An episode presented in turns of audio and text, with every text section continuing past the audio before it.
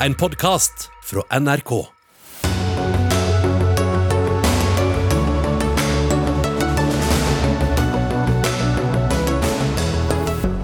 Regjeringen har sagt ja til to nye år med utvinning av kull på Svalbard.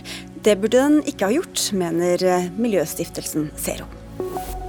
Rådet for psykisk helse vil ha slutt på lærerstreiken av hensyn til elevenes psykiske helse.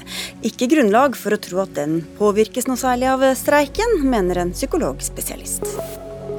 Sanksjonene mot Russland fungerer ikke, slår nestlederen i Nobelkomiteen fast.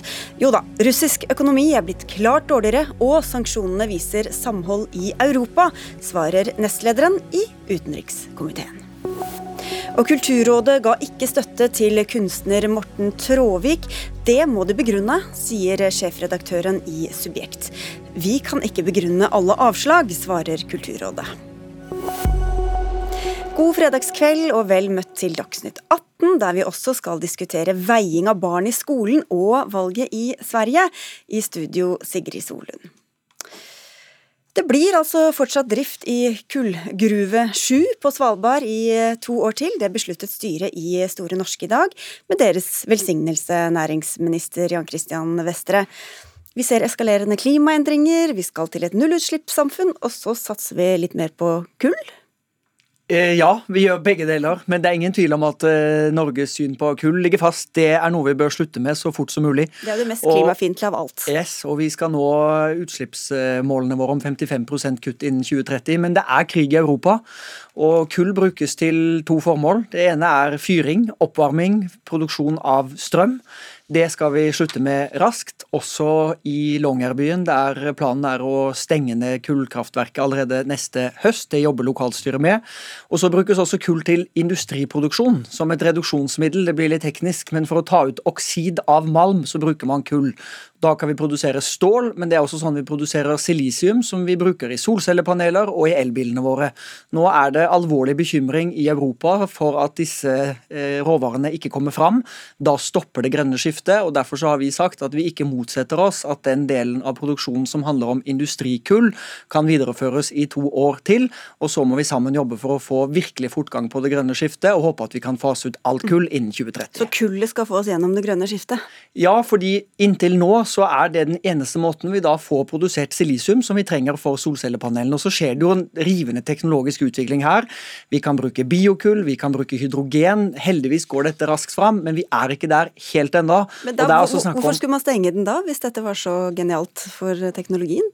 Jo, fordi vi vil jo fase ut eh, kull, men her er jo også utfordringen den at krigen i Ukraina og hvordan det påvirker Europa, har jo gjort at det er en reell redsel i Europa for at disse råvarene ikke kommer fram. og Hvis f.eks. europeisk stålproduksjon stopper opp, eller hvis produksjonen av silisium stopper opp, så vil vi heller ikke ha de innsatsfaktorene vi trenger for solcellepaneler, som vi nå sårt trenger for å bidra til å komme oss ut av energikrisen. Så her mener vi at vi må ha to tanker i hodet samtidig. Vi sier stopp for energikull. Vi skal ikke brenne kull i forurensende kullkraftverk, men som en del av transformasjonen i europeisk industri i to år til, så mener vi at det er riktig at Norge stiller opp. Sigrun Aasland, du er daglig leder i Miljøstiftelsen Zero. Dere er også opptatt av teknologiutviklingen, men du sier du kan forstå regjeringas valg, men at det likevel blir feil. Hvorfor det? Ja, Det viser jo, og det er jo helt riktig at det viser hvor kort vi har kommet i det grønne skiftet. At vi på en måte nå sklir rett tilbake i kull. Og kull er fortsatt kull, selv om det skal brukes i industrielle prosesser. Eh, og så eh, er det flere ting jeg syns er synd her. Det ene er jo at på Svalbard har det over flere år vært en kjempegod lokal prosess for å få til gode fornybare energisystemer. Der er det usikkerhet nå, fordi prisbildet er usikkert. Og det man gjør nå, er jo fra statens side å risikere å undergrave den prosessen og skape enda større usikkerhet om retningen lokalt på Svalbard. Så det er ett problem. Og så eh, hører jeg og forstår at krigen i Europa gjør alt annerledes. Men det EU gjør i møte med krigen i Europa, er jo å raskt skalere opp fornybar energi, raskt få på plass energieffektivisering, skru om hele økonomien. Mens det vi gjør i Norge, er liksom å, å lappe litt på det vi har, og gjøre litt mer fossilt. Og så har jeg forslag, hvis det nå er sånn eh, Vi eksporterer jo mye gass, det har jeg ikke hørt noen særlig protester om, egentlig, fordi krisen krever det.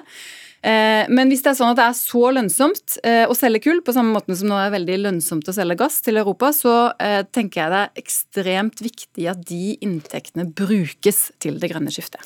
Jeg vet at du har en kjempelang Du kunne sikkert fylt resten av sendinga med alle prosjektene du har lyst til å skryte av på grønn, grønn kraftsatsing, Vestre. Men, men, til dette med, med, lønnsomheten og da bruke de pengene på det grønne skiftet, er det én til én der, eller? Altså Nå har vi jo eh, tapt penger i Gruve 7 egentlig hvert eneste år og tilført subsidier over statsbudsjettet, både fordi at kull brukes jo til energiverket i Longyearbyen for å gi strøm og varme og lys i husene, men eh, også fordi at det av svalbardpolitiske grunner har vært viktig eh, å være der. Eh, så det at kullprisen nå er litt høyere, det kan jeg bare si at har hatt ingenting for vår del med denne beslutningen å gjøre. Vi har utelukkende tenkt at vi er en del av Europa, et Europa som er bekymret for sine råvarer, og at vi må bidra der. Og så er jeg jo helt enig med Sigrun at det har jo gått altfor sakte i det grønne skiftet. Så det at vi nå får fortgang på hydrogensatsingen, at vi får fortgang på vindkraft Men det var egentlig et nei til det forslaget fra Zero her? Da. Nei, men nå er vi jo helt i sluttfasen med statsbudsjettet. da, så Når det kommer, så skal du se at vi, vi, vi satser absolutt grønt. Vi la fram Grønt industriløft rett før sommeren der vi satser stort i risikoavlastning på disse prosjektene. Mm. Men, men, vi må klare å, å gjøre flere ting samtidig. Og så er vi veldig opptatt av at det som handler om energiomleggingen i Longyearbyen, altså at kullkraftverket skal stenge ned neste høst, for det er planen, det eh, må pågå som planlagt. Og denne beslutningen om å drive med industrikull i to år til skal ikke påvirke okay, energiovergangen. Det var den første bekymringen du hadde, Aasland, som du da kan legge vekk? Ja, jeg håper jo det, men der er det fortsatt beslutninger som skal fattes lokalt på Svalbard. Og, og jeg syns det er synd da når man har en så god prosess. Og man har jo dessuten også muligheten til å gjøre Svalbard til litt sånn utstillingsvindu for klimapolitikk. Svalbard kan bli et nullutslippssamfunn. Det er et ganske lite samfunn, det er en fantastisk natur. Eh, men det undergraver man jo hvis man sier at man skal fortsette med kull litt lenger. Og så er jeg veldig spent på dette svaret på Vi har spurt mange ganger om dette med en omstillingsavgift. Altså kan man eh, forvente at stor lønnsomhet i fossile ressurser, som vi vet at vi skal ha mindre av, mens vi nå tjener mye på, skal brukes i det grønne skiftet. Og det eh, håper jeg kommer på statsbudsjettet. Ja, da vet vi at derfor må vi vente med å få svar på det. Men hva slags signal sender regjeringa med dette, mm, denne forlengelsen, da? Jeg syns de sender motsatt signal av det vi f.eks. ser i Europa. Sant? Der har europeiske myndigheter og EU-kommisjonen sagt at nå står vi i en krise, nå har vi eh, mangel på forsyning av gass, vi har knapphet på veldig mye energi. Hva gjør vi da? Da trapper vi massivt opp satsingen på fornybar energi. Da gjør vi masse tiltak for å få til energieffektivisering. Hva sier vi i Norge? Vi forlenger kull litt til.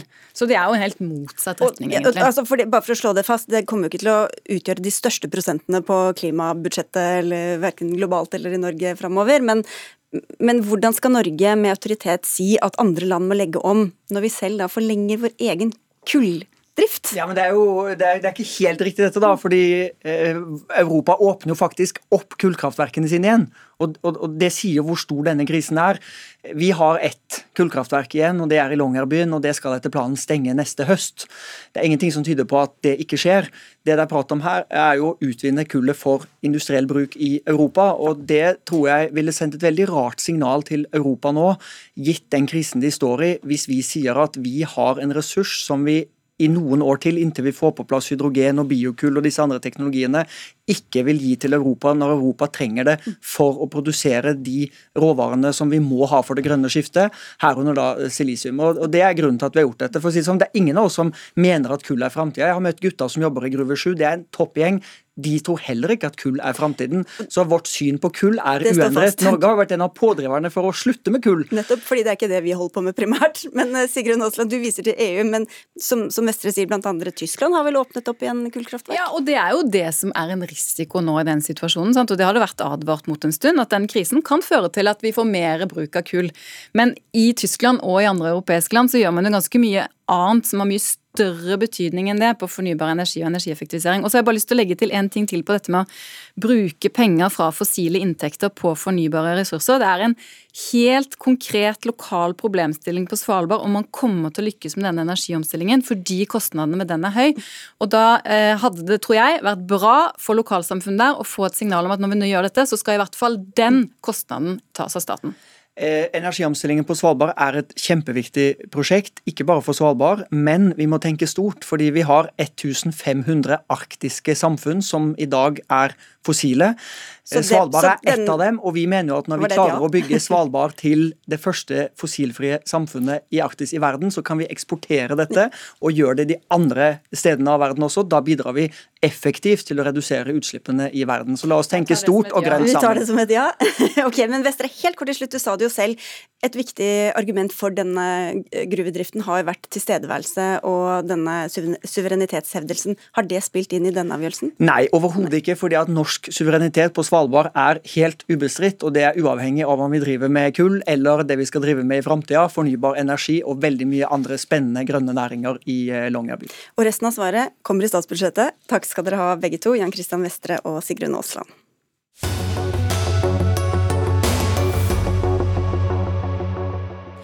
Det må bli slutt på lærerstreiken av hensyn til elevenes psykiske helse. Det er det flere som har tatt til orde for.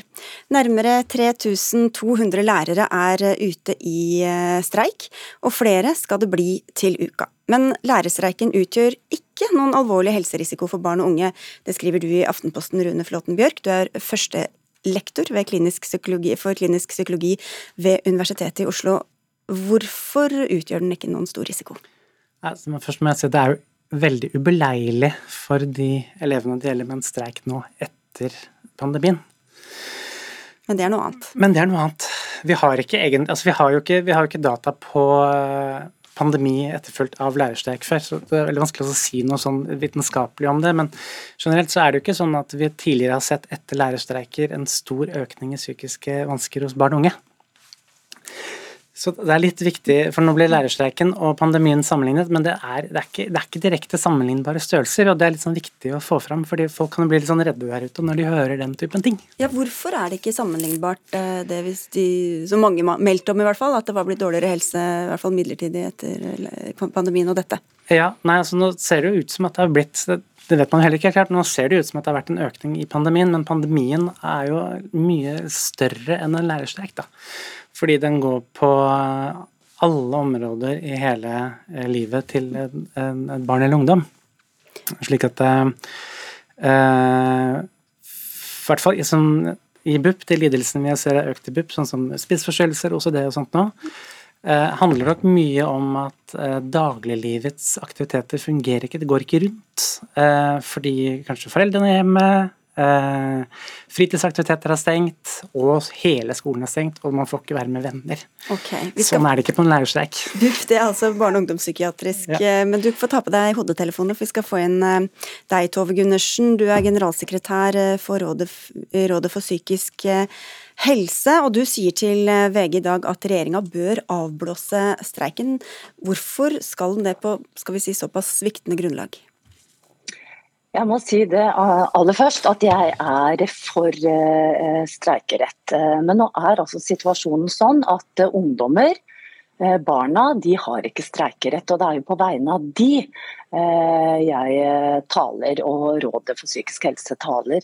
Fordi det er sånn at veldig mange har en økt sårbarhet som følge av pandemien. Og de vil tåle dårlig å være isolert eh, og overlatt til hjemmeskole enda en gang. Og det stemmer ikke at uh, ikke det er grunnlag for å melde varsko. Fordi den psykiske folkehelsa har lenge vært under press. Og det viser rapporter fra koronakommisjonen, det viser også forskning. Selv om vi tar tiltakene ned, så er det fortsatt 10% av befolkningen som sliter uh, psykisk. Og det er ved siden av vanlig forekomst. Så barna våre der må vi bygge god psykisk helse og ikke rive den ned. De er altfor sårbare. Nei, og Det er jo helt åpenbart at det er viktig å bygge barn og unges psykisk helse. Men det er på det generelle planet?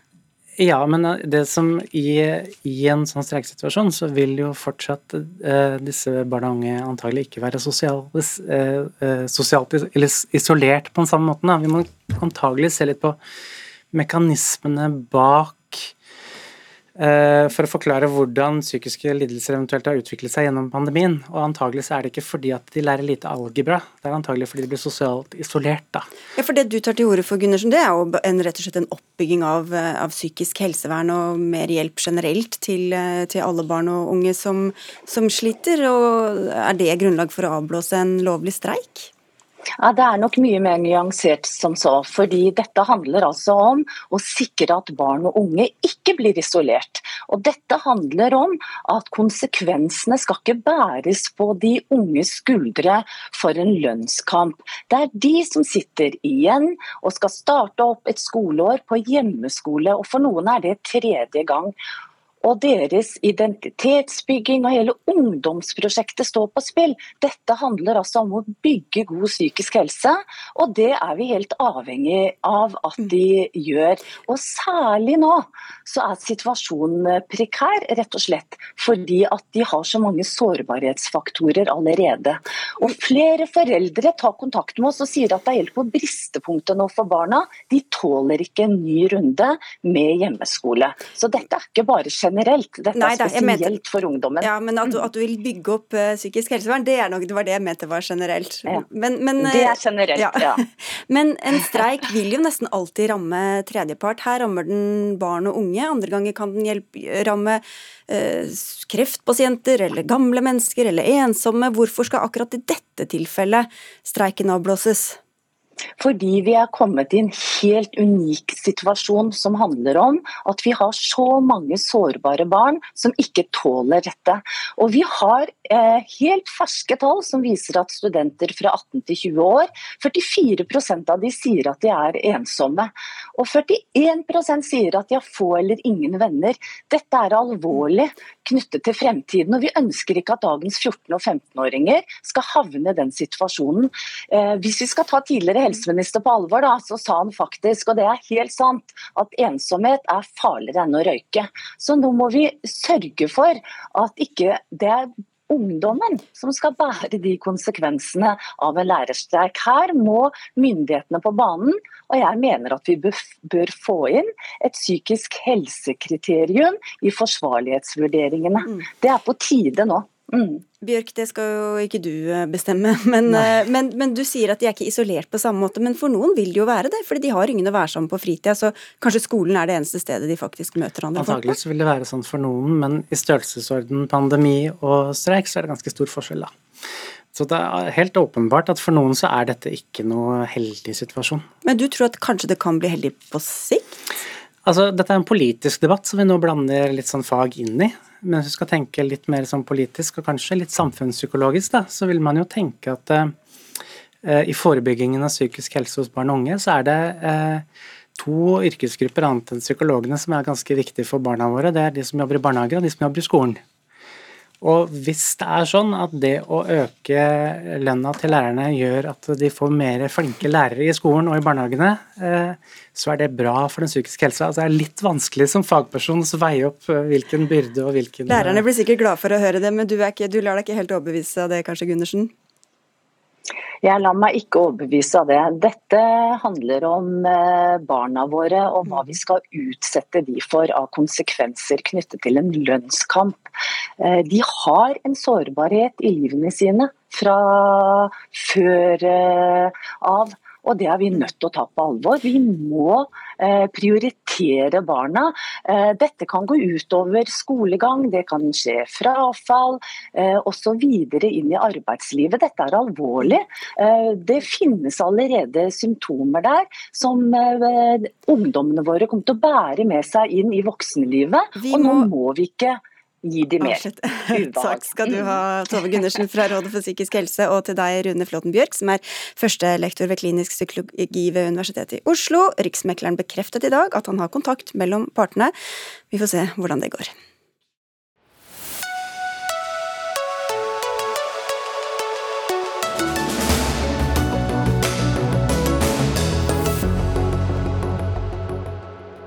Europa er i energikrise. Matvareprisene, strømprisene, rentene og inflasjonen øker. Årsaken er jo krigen i Ukraina og forsøket på å isolere Russland.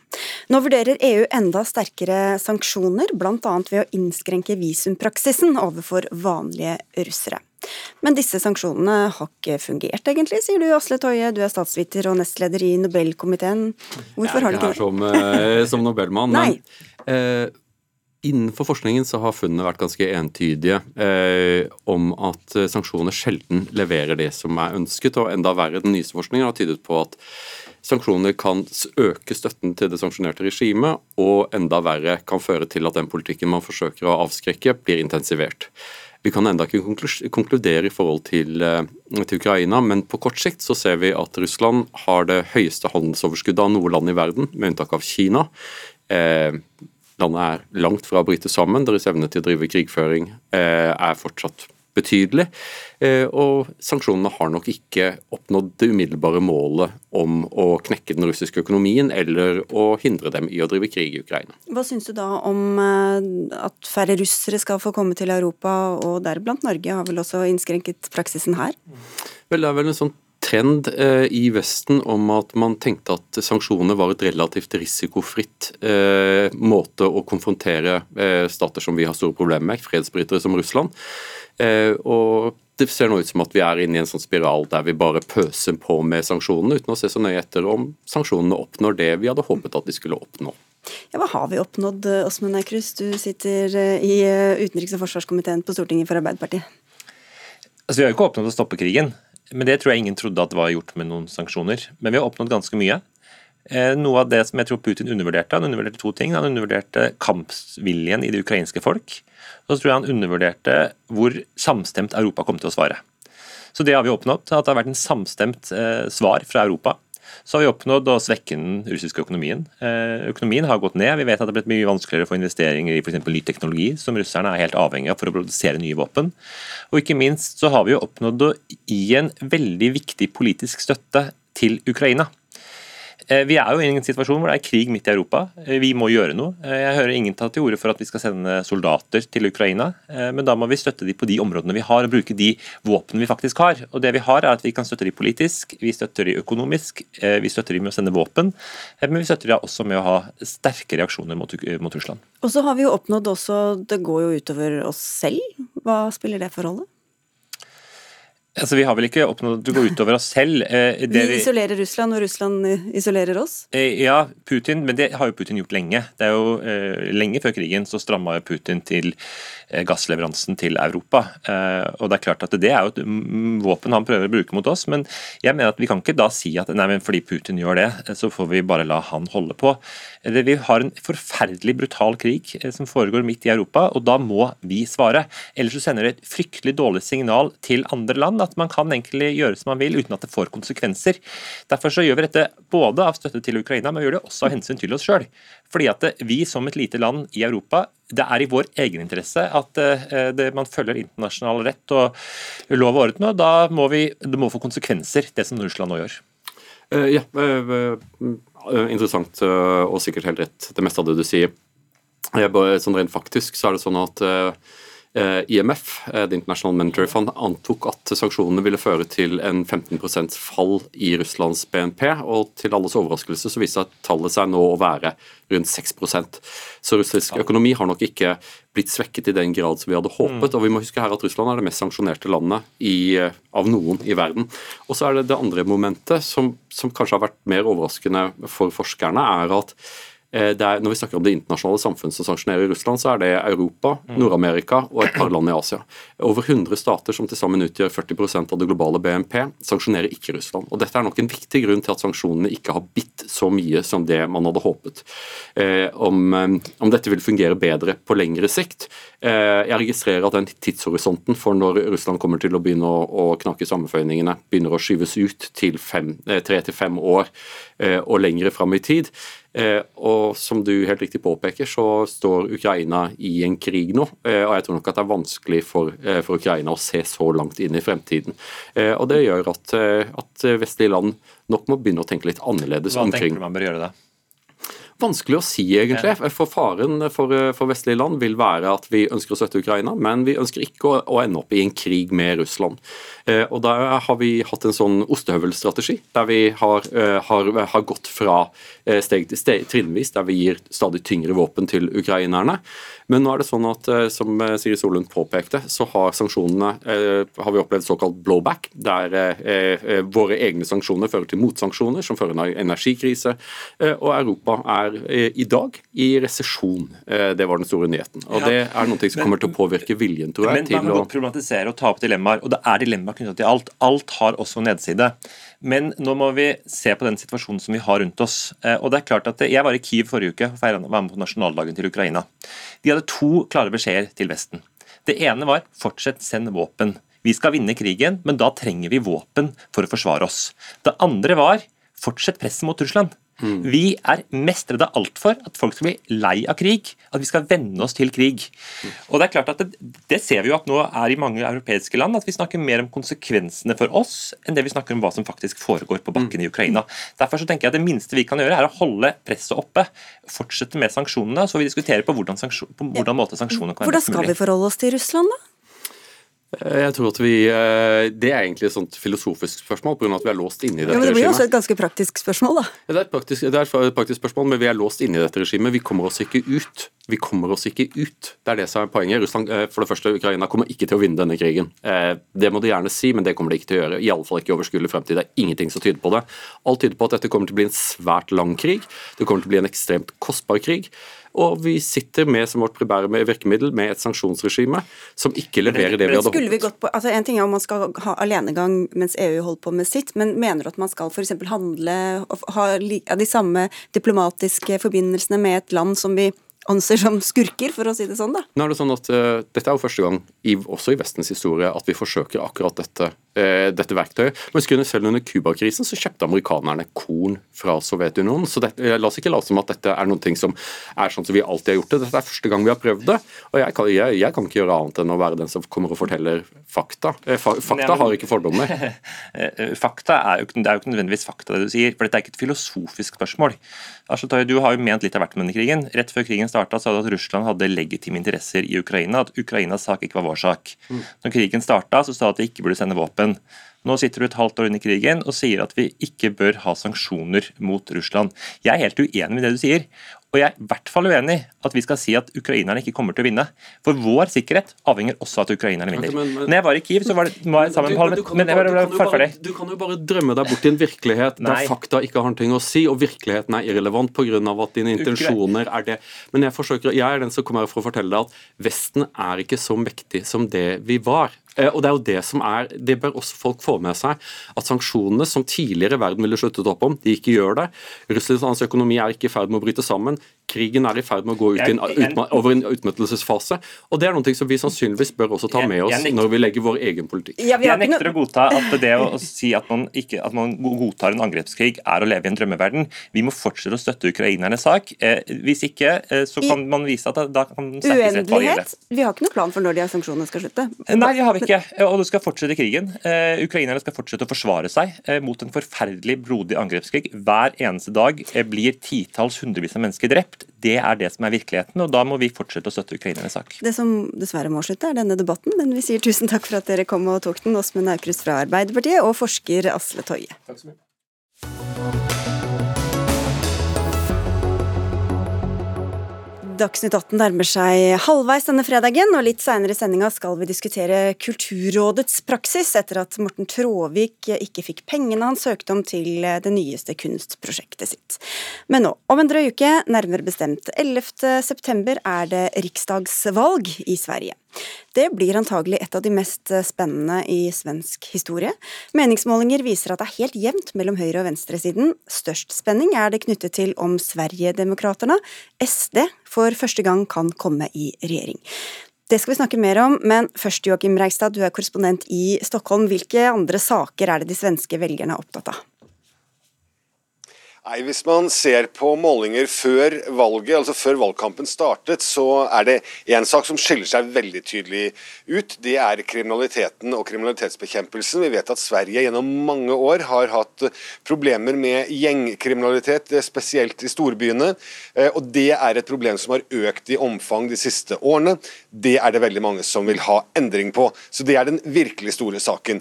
Eh, hvis vi ser litt på, på andre ting, så er det først og fremst eh, helsevesenet som får en del oppmerksomhet. Koronapandemien avdekket jo også i Sverige at det var mangler i helsevesenet. Eh, og I så måte er det mange som ønsker en styrking av helsevesenet. Skole kommer også høyt oppe. Klima og miljø et lite stykke lenger ned på den listen. Det var Göteborgs universitet som undersøkte dette i sommer. Og Hvilke alternativer har svenskene å velge mellom? Ja, De har eh, egentlig 500 partier, fordi at det er veldig mange som stiller, som stiller Men ikke 500 regjeringsalternativer, håper jeg? Nei, det, det, det, er det virkelig ikke. Det er, eh, det er to eh, kandidater til statsministerposten. Magdalene Andersson som er statsminister, eh, og så er det Ulf Kristersson som er leder for høyrepartiet Moderaterna, som utfordrer henne og som vil bli statsminister. Men i begge tilfellene så er det knyttet en del spenning til hvilket regjeringsgrunnlag de to vil ha. Magdalene Andersson styrer i dag på en mindretallsregjering, har 100 av 349 eh, plasser i, eh, i Riksdagen bak seg. Det er den tynneste parlamentariske grunnlaget, nest tynneste parlamentariske grunnlaget en svensk regjering har hatt eh, noensinne i moderne tid. Og Så spørs det jo da hva skjer på høyresiden. Hvem skal samarbeide der? Den gamle alliansen, for de som husker Fredrik Reinfeldts regjering med Senterpartiet, Liberalerne, Kristdemokraterne og Moderaterne, den er på mange måter brutt opp. og Derfor er det jo også knyttet en del spenning til om Sverigedemokraterna kan få en regjeringsplass dersom de blir så store som de ligger an til å bli på meningsmålingene nå. Ja, Hvor store er det? Ja, Nå ligger de og vaker rundt ca. 20% Det er jo to spenningsmomenter her. Det ene er jo om Sverigedemokraterna blir større enn Moderaterna. Nå ligger de et hestehode foran. Da vil de være det største partiet på borgerlig side, altså på høyresiden. Og Det kan selvfølgelig også endre maktfaktoren på borgerlig side. Men et, et annet moment her er jo også hvis de blir større enn to partier til sammen, altså både Moderaterna og Kristdemokraterna, som er to partier som samarbeider veldig tett. Hvis Sverigedemokraterna totalt sett blir større enn de to partiene, så er det også mange som peker på at eh, Jimmy Åkesson, som er leder av Sverigedemokraterna, vil ha veldig mange sterke forhandlingskort inn i forhandlingene rundt en regjering dersom det skulle bli borgerlig flertall. Vi plukker med oss den tråden videre, Joakim Reigstad. Tusen takk for at du var med i Dagsnytt 18. Da går vi til deg, Maria Khan. Du er eh, kommentator i Adresseavisen kommer fra Sverige, og er naturligvis opptatt av det som eh, skjer der. Og hva syns du om, om denne valgkampen? Det er som å bevitne en eh, containerbrann, den siste innspurten i valgrørelsen. Det har vært et forferdelig oppheta debattklima både blant, altså mellom politikerne sjøl, men også den offentlige debatten og samtalene.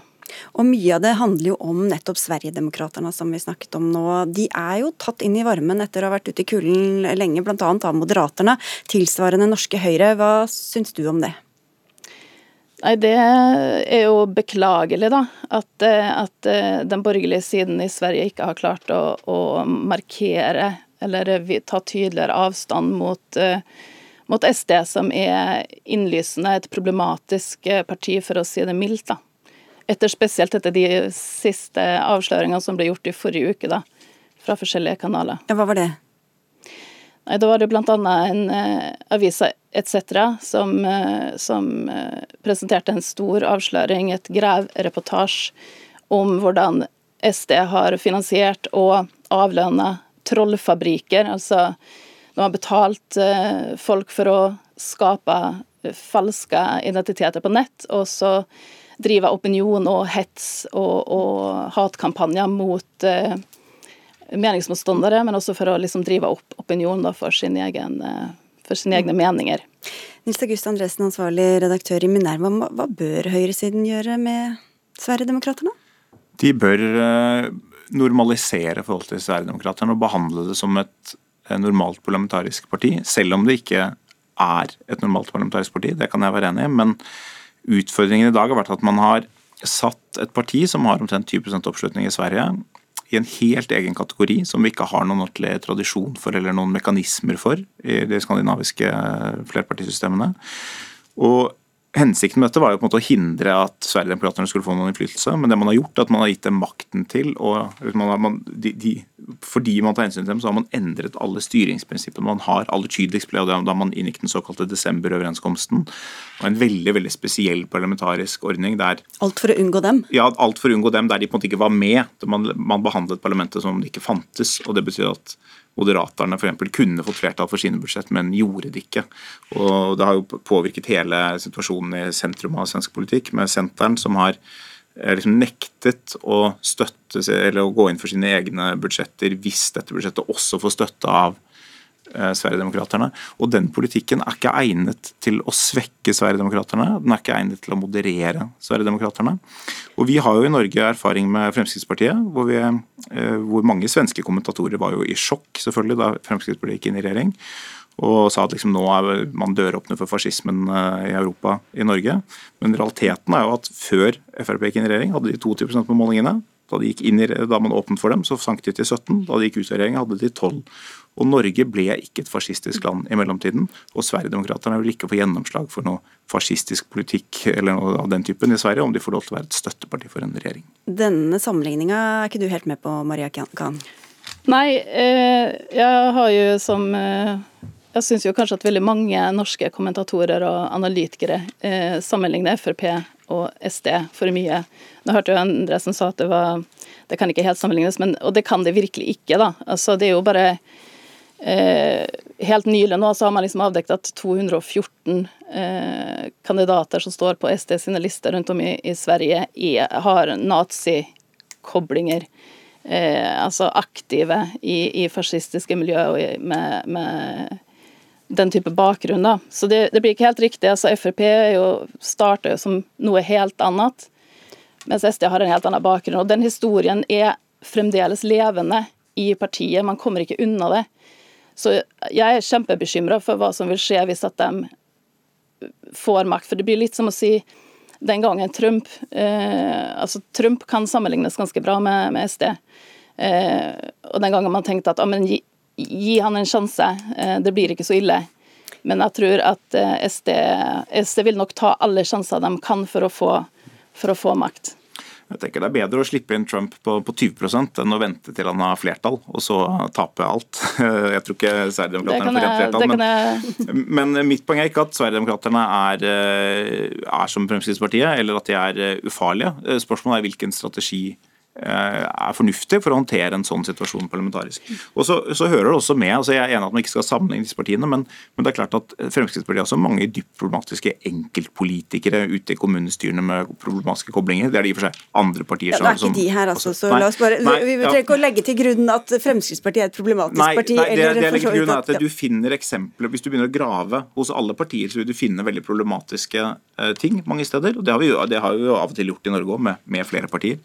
Og, og det, jeg tror det er uklokt å behandle eh, partier helt ulikt på det, på det, feltet. Ja, fordi Det er jo et parti med mange velgere i, i ryggen, eh, Khan. Så hvordan er det bra for demokratiet å la det leve helt på siden av resten av, eh, av det politiske samfunnet?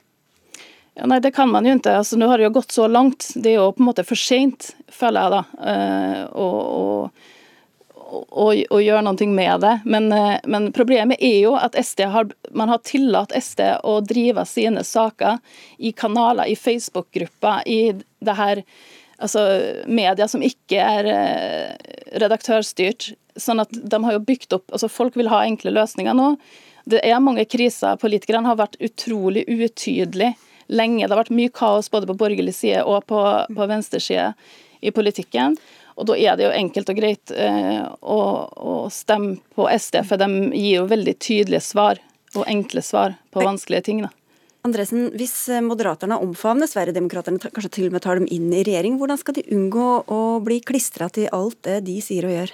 Altså, igjen Med de forskjellene som er, så er det jo samme problemstilling som når Høyre samarbeider med Fremskrittspartiet. Det er to ulike partier, ingen av dem får rent flertall, og det kan godt hende de må også få flertall på tvers av blokkgrensene. Jeg er ganske trygg på at uh, politikken i Sverige vil ikke se radikalt annerledes ut med Sverigedemokraterna i regjering. Men den vil antagelig se litt annerledes ut, og det bør den også gjøre. For Det, det som er viktig å huske på er at Sverigedemokraterna har gått fra 5% til 20% gjennom de siste valgene hvor de har vært liksom, holdt ute. Og, og, de løfter jo, det, det er jo et symbol, et tegn på at de løfter noen problemstillinger som ikke blir godt nok ivaretatt i det politiske systemet ellers. Og Man kan være uenig i løsningen, man kan være uenig i retorikken, jeg er uenig i veldig, veldig mye av det. Men de problemstillingene må håndteres. Og Ved at Sverigedemokraterna går inn i regjering, så én, kanskje de vil håndteres litt mer aktivt. Og to, det vil også bli tydelig for velgerne at noen av disse spørsmålene ikke er så lette å håndtere. Som også er nyttig kunnskap for velgerne. Ja, Hvis resultatet Maria Khan, er at de synker igjen, så er vel du glad for det? Da blir jeg veldig glad. Så ta dem inn allikevel, da, eller? Jeg tenker jo at Min forhåpning er at det kommer å bli kjempetett nå. Eh, det er jo en rysere eh, hvem som eh, går ut som vinner av det valget her. Så jeg tenker jo at den mulige løsningen, Så jeg tror det blir vanskelig uansett hvilken side som, som vinner valget. Men jeg tror at det som er mulig, er jo at det blir mer samarbeid mellom Sosialdemokratene og Moderaterna. F.eks. altså som under Nato-forhandlingene, f.eks. At det er blokkoverskridende. I morgen er det partilederdebatt i Sveriges Radio, så de interesserte kan jo følge med der. Dere er kanskje blant dem, jeg vet ikke. Takk skal dere ha i hvert fall begge to. Nils August Andresen, redaktør i Minerva, og Maria Khan, kommentator i Adresseavisa.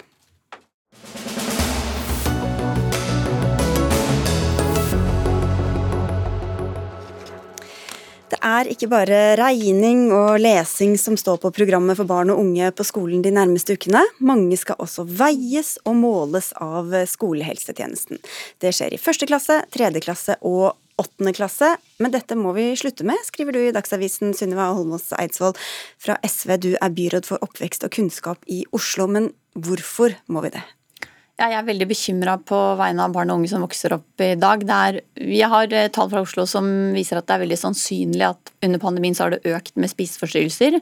Og det har nettopp kommet en ny undersøkelse som viser at én av tre jenter på videregående har et veldig anstrengt forhold til kropp og mat.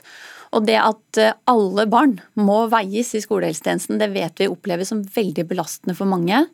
Og at eh, vekta diskuteres i skolegården. Og det er med på å øke fokuset på kropp og vekt i en usunn retning. Så jeg syns heller at eh, vi skal gå bort fra at vi har, det vi har i dag, er en nasjonalfaglig retningslinje som sier at alle skal veies. Og jeg syns heller vi skal i skolehelsetjenesten vurdere å bruke tiden på andre ting. Nemlig snakke med ungdommene. Dette skjer som du sier i hele landet. Linda Granlund, du er først, eh, divisjonsdirektør for folkehelse og forebygging i Helsedirektoratet. I et samfunn som er så besatt av kropp og vekt, hvorfor skal vi også ha det inn i skolen? Nei, det er for å kunne hjelpe de som trenger det mest. Eh, det er derfor vi har den praksisen. Eh, og vi følger jo barna fra fødsel og gjennom grunnskolen, og som Sunniva sier, så er det veiing da ved første, tredje og åttende trinn. Og dette er jo gjennomført av helse, helsesykepleiere som har veldig god kompetanse på å snakke med barna, skape tillitsforhold og også eh, er veldig godt trent til å ta de vanskelige samtalene. Sånn at vekt er jo én av flere ting man er innom på den helseundersøkelsen. Der er det trivsel, det er vekt og høyde, men det er veldig mange andre faktorer også som, som man snakker med barna om da og det er viktig. Men En ting er jo det som skjer i det møtet mellom helsesykepleiere og barn, men hva skjer etterpå, når de kommer ut i skolegården og de andre spør hva veide du? Nei, og Da er det jo om å gjøre å ikke ha så fokus på akkurat det tallet. Men hvis barna lurer på hvor mye de veier, så får de jo greie på det. Men så er det jo om å gjøre at det ikke det er det viktigste man går ut med. Eh, sånn at da må man heller ta dialog med eh, de hvor det er et stort fokus, og si at ja, men trenger det å være det viktigste? Det viktigste er at man har god helse. Men eh, vi er jo opptatt av at dette skal, dette skal være så naturlig som mulig. Og hvis vi skal komme i en situasjon hvor vi skal begynne å plukke ut hvem skal vi veie, da blir det nok mer stigmatisering, sånn vi ser det. Og det blir da de ressurssterke, eller de som har ressurssterke foreldre, som kommer til å få oppfølging dersom de har risiko for både eh, lav vekt og høy vekt. Jeg syns at eh, vi må ta på alvor alle de stemmene vi får når barn og unge sier at de opplever dette som ubehagelig. Altså, jeg tror ikke jeg kjenner noen voksne som syns det er, er behagelig å bli veid. Eh, og det, det kan være med på å bryte ned tilliten til fagpersoner. Eh, og det er jo også i anbefalingen at man skal gjøre det At man skal ta av seg litt, og det er det mange som opplever som ubehagelig. Så jeg skulle ønske, eh, og det er det Oslo kommune ønsker, at vi kunne gått i dialog med Helsedirektoratet for å se sånn Er det andre virkemidler vi kan ta i bruk? For å fange opp de som trenger ekstra oppfølging og hjelp. Men det som også skjer, eh, som, som Helsedirektoratet er opptatt av, er jo også når du da tar av deg den genseren, så kan du se om har vedkommende forsøkt å risse seg i armen. Er det blåmerker som er på litt mystiske steder? Så det er jo ikke bare vekt og, og høyde det er fokus på. Det er jo veiingen jeg er opptatt av å, å komme vekk ifra, og at alle systematisk skal veies. Så det å kle av seg i seg selv er ikke noe farlig da? Det er du ikke, vil du ikke til livs? Jeg er sikker på at her kan fagfolkene komme opp med andre virkemidler for å greie å fange opp de som sliter. Og Det er det jeg utfordrer egentlig Helsedirektoratet på her. Kan ikke vi gå i dialog? Det er det Oslo kommune vil, for å se er det noen andre virkemidler vi kan ta i bruk. Fordi det er faktisk mange fagfolk som sier at dette oppleves som belastende, og i tillegg at det ikke har nødvendigvis noen effekt på å dempe fedme. Nei, Det er det vel ikke noe forskning som sier at det, det gjør? Det er ikke noe forskning som sier at det, det, er den direkte årsaken til å dempe fedme, men det er jo en årsak til at man oppdager noe som man kanskje må følge opp videre. Og det er jo det viktige. Eh, og så er det jo sånn at I forkant av disse undersøkelsene så får elevene god informasjon både om hvorfor man har denne helseundersøkelsen og hvordan den kommer til å foregå. Så De får bl.a. beskjed om at det kan være greit å ha på seg en singlet eller en T-skjorte hvis de er komfortable med å ta av seg til det. Og Det er ingen som trues til å kle av seg, og det er heller ingen som trues til å veies hvis de ikke ønsker det. Men, hvor, Men ja. jeg bare lure på, hvor mye sier vekt, egentlig? Noen uh, har masse muskler, og noen er tynne, men er likevel usunne. Altså, hva, hva får man egentlig ut av det? Og så er det ikke det vekt, vekttallet alene som man ser på, men man ser jo da, man følger barnet fra det er født, og så ser man på utviklingen, ikke sant? både på vekt og høyde, og ser om kanskje noen stopper opp i vekstkurven, at man skal ha litt spesiell oppmerksomhet på den da, og så ser man jo på dette sammen med veldig mange andre faktorer og familiesituasjonen. Eh, så når vi snakker med landsgruppa for helsesykepleiere, som er jo de som gjennomfører dette, så sier de at de er jo veldig opptatt av å gjøre dette på en god måte, få tillit til barna. Og de er veldig godt utdanna til å ta denne samtalen. Ja, Det er ikke at man gjør det, men hvordan man gjør det, da. Jeg tror vi må ta som sagt på alvor det at det er veldig mange som reagerer på dette og oppfatter det som belastende. Og i tillegg når det ikke er nødvendig. Eh, eller at det ikke hjelper oss til å fange opp i større grad eh, nødvendigvis de som sliter, eller er i risikosonen for å utvikle fedme. Så tenker jeg her må vi, her må vi tenke nytt. For å, for å, dempe kroppsfokus og dempe fokus på vekt og veiing. Men når det er rundt oss hele tida, hvor mye tror du denne ene sjekken eh, hvert fjerde år eller hva det har å si? Nei, Vi vet jo at det diskuteres vekt i skolegården, og vi vet at dette er det mange som opplever som belastende, og at det blir et fokus på hva du og andre i klassen veier når alle har blitt veid på den samme undersøkelsen. Så eh, vi kommer ikke bort fra det, og at det er et eh, fokus på kropp og vekt som er helt utålelig for barn og unge i dag. Og da skulle jeg ønske at vi hadde en skolehelsetjeneste som kunne bruke litt mindre tid. For det er jo også et aspekt der det går masse tid på alle disse rutinemessige undersøkelsene Men til å veie barna. Det er jo også barna. da de møter alle, da. Det er I stedet for at bare de som eh, vil oppsøke hjelp, kommer til hjelp. Da har de, det er jo nettopp en anledning til å ta den screeningen. Mm. Jeg tror vi skal ha respekt for at helsesykepleierne gjør dette på den måten de mener er mest forsvarlig. Og det å veie er en minimal del av den helseundersøkelsen. Det tar ikke størsteparten av tiden. Ehm, og vi, vi, mener jo, eller Selv om jeg sier at dette forebygger ikke overvekt, så sier jeg at det, men det bidrar til å oppdage om det er noe man skal følge med på, om man skal eh, ta dialogen videre med de foresatte for å følge med på utviklingen videre. Og Det kan både være på eh, vekt, altså risiko for lav vekt eller risiko for høy vekt, om det er vold, selvskading, andre ting som man også diskuterer i en sånn samtale med helsesykepleier.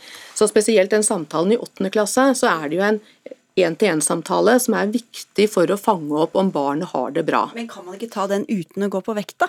Man, men så er det noe med at eh, man skal kanskje gjøre eh, vekta ikke så veldig farlig. Når vi snakker med Landsforeningen for overvektige, og vi spurte de hva tenker de rundt dette, Mener de at vi skal avvikle dette, så sier de ikke gjør vekta til elefanten i rommet, men normaliser det. De er helt klare på at å fortsette å veie barn er viktig å gjøre, sånn at det er én del av den normale helseundersøkelsen. når vi ser at det her har så stor effekt for barn og unge, og at det er et økende fokus på kropp og vekt, så skulle jeg ønske vi kunne bruke mer tid på å snakke med barn og unge. Jeg har stor respekt for fagfolk og at de vet hvordan de skal gjøre det. Og kutte vekta og droppe det fokuset som oppleves på belastende for veldig mange. Det, det skulle jeg ønske vi kunne gått i dialog om å finne, finne måter å utvikle sammen. Dialog er jeg helt sikker på at du takker ja til, Linda Grander. og vi tar jo, hører på alle disse, disse, innspillene, eh, og det er viktig for oss at vi utvikler disse retningslinjene sånn at de ivaretar barna på best mulig måte. Takk skal du ha for at du kom fra Helsedirektoratet, og takk til deg, byråd for SV i Oslo, Sunniva Holmås Eidsvoll. Takk skal dere ha.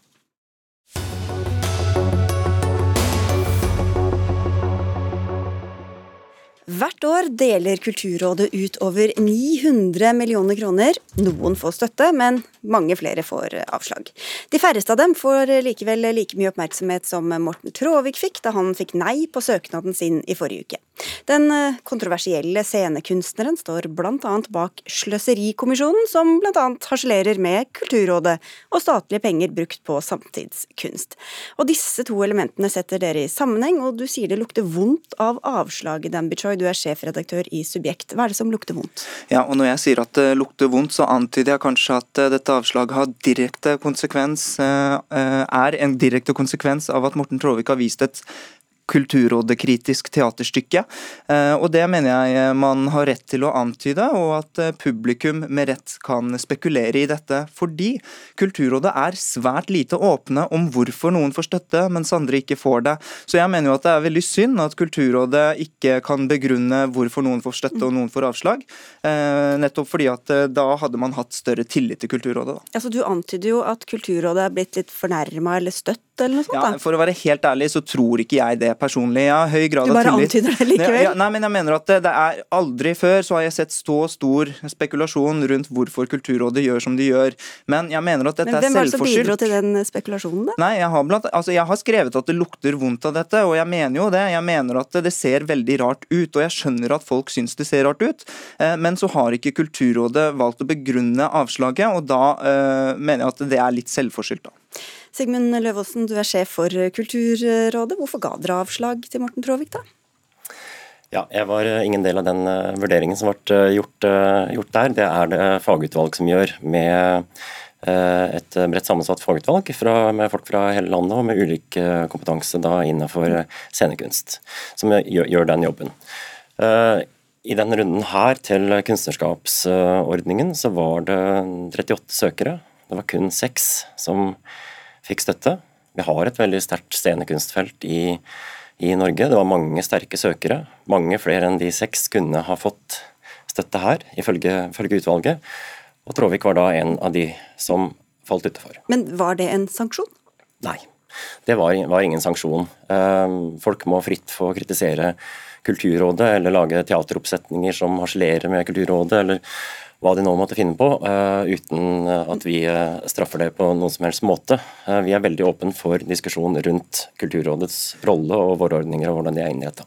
Men er de egentlig det? Og, og, det Kulturrådet driver med hver eneste dag, er jo å begrunne hvorfor noen skal få støtte, mens andre ikke får støtte. Og dette evner de å gjøre det, men de evner å gjøre, men det evner de bare å gjøre i lukkede rom. Så jeg har ikke i lys av nettopp bare dette tilfellet sagt at de må gjøre det, men det er en god tid å ta opp denne debatten på, fordi at Kulturrådet tross alt forvalter offentlige midler, det er skattebetalernes penger, og, og de ønsker et innsyn i hvordan eh, kunstnerisk kvalitet og hvordan mangfold diskuteres i disse møtene.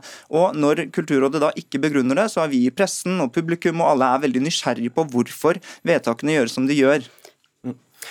Uh, Kulturrådet behandler da omkring 8000 søknader hvert eneste år.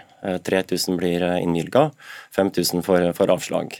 Eh, bare jobben med å skrive begrunnelser for 8000 søknader ville ha knekt våre budsjetter. Mye større byråkratisering av hele, hele organisasjonen.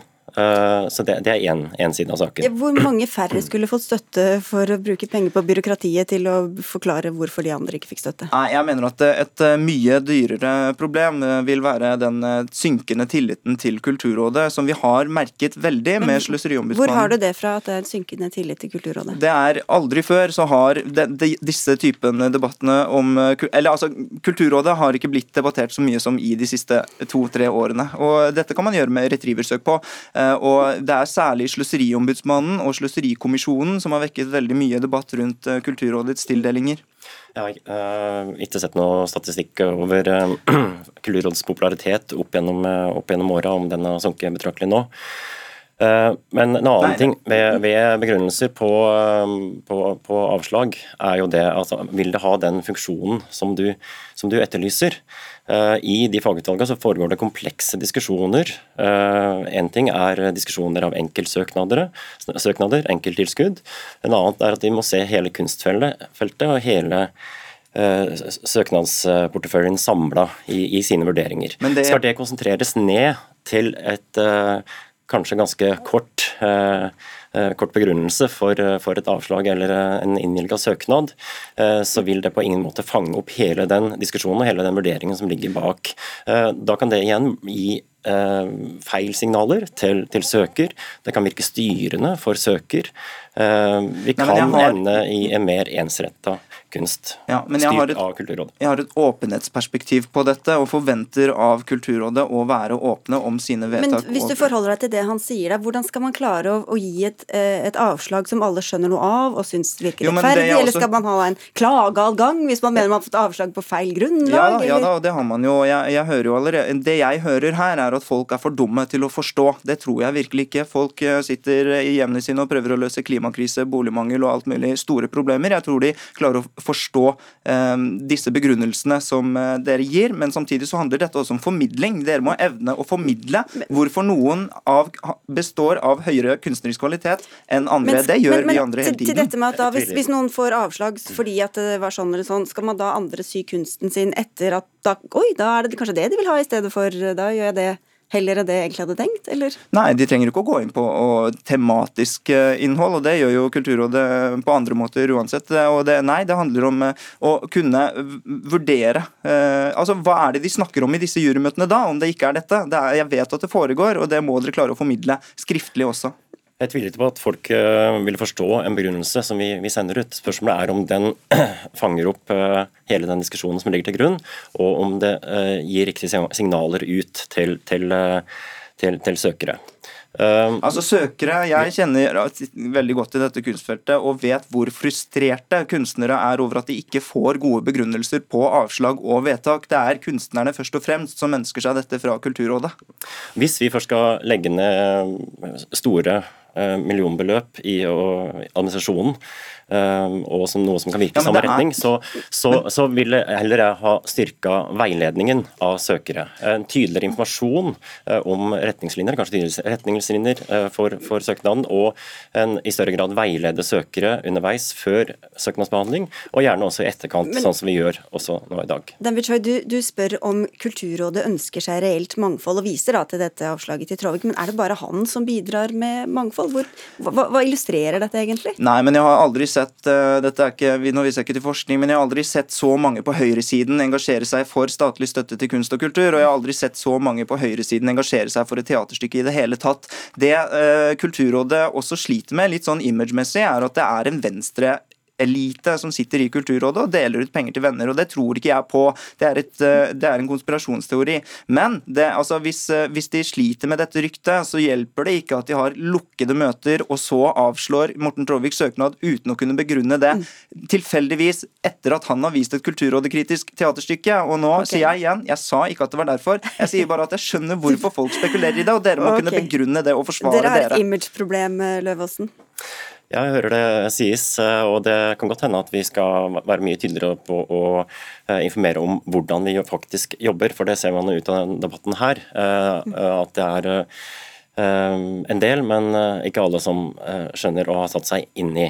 Det er viktig for oss å få fram hele det systemet med 130 personer fra hele landet som sitter i ulike utvalg og gjør de her grundige vurderende ut fra sin fagkompetanse på, på ulike kunstfelt. Jeg skal bare si at Vi har vært i kontakt med Morten Tråvik i dag. Han sier til oss at om avslaget til Tråvik Info kan bidra til, det, til at det Ytringsfrihetskommisjonen kaller en såkalt svak uenighetskultur i scenekunstfeltet nå settes under debatt, så har det ikke vært for ingenting. Det har vi jo fått debatt om her, da. Ja, Det vi er helt sikre på, er at uh, Morten Tråvik har skapt et teaterstykke som utspiller seg i virkeligheten, mange ganger i dette uh, studioet også. Og, og, det at han ikke får statsstøtte nå, virker jo på en eller annen måte å han nesten regissere debatten for. Og det er og, ganske interessant. Og den kan man jo også se på NRK, så da fikk vi litt egenreklame også. Takk skal dere ha begge to. Dan Bichoy fra Subjekt og Sigmund Løvaasen fra Kulturrådet. Dagsnytt 18 tar helg og ønsker en riktig god helg til alle som har sett og lyttet. Anne Katrine Førli var ansvarlig for innholdet. Lisbeth Sellereite hadde det tekniske ansvaret. Mitt navn er Sigrid Solund. God kveld.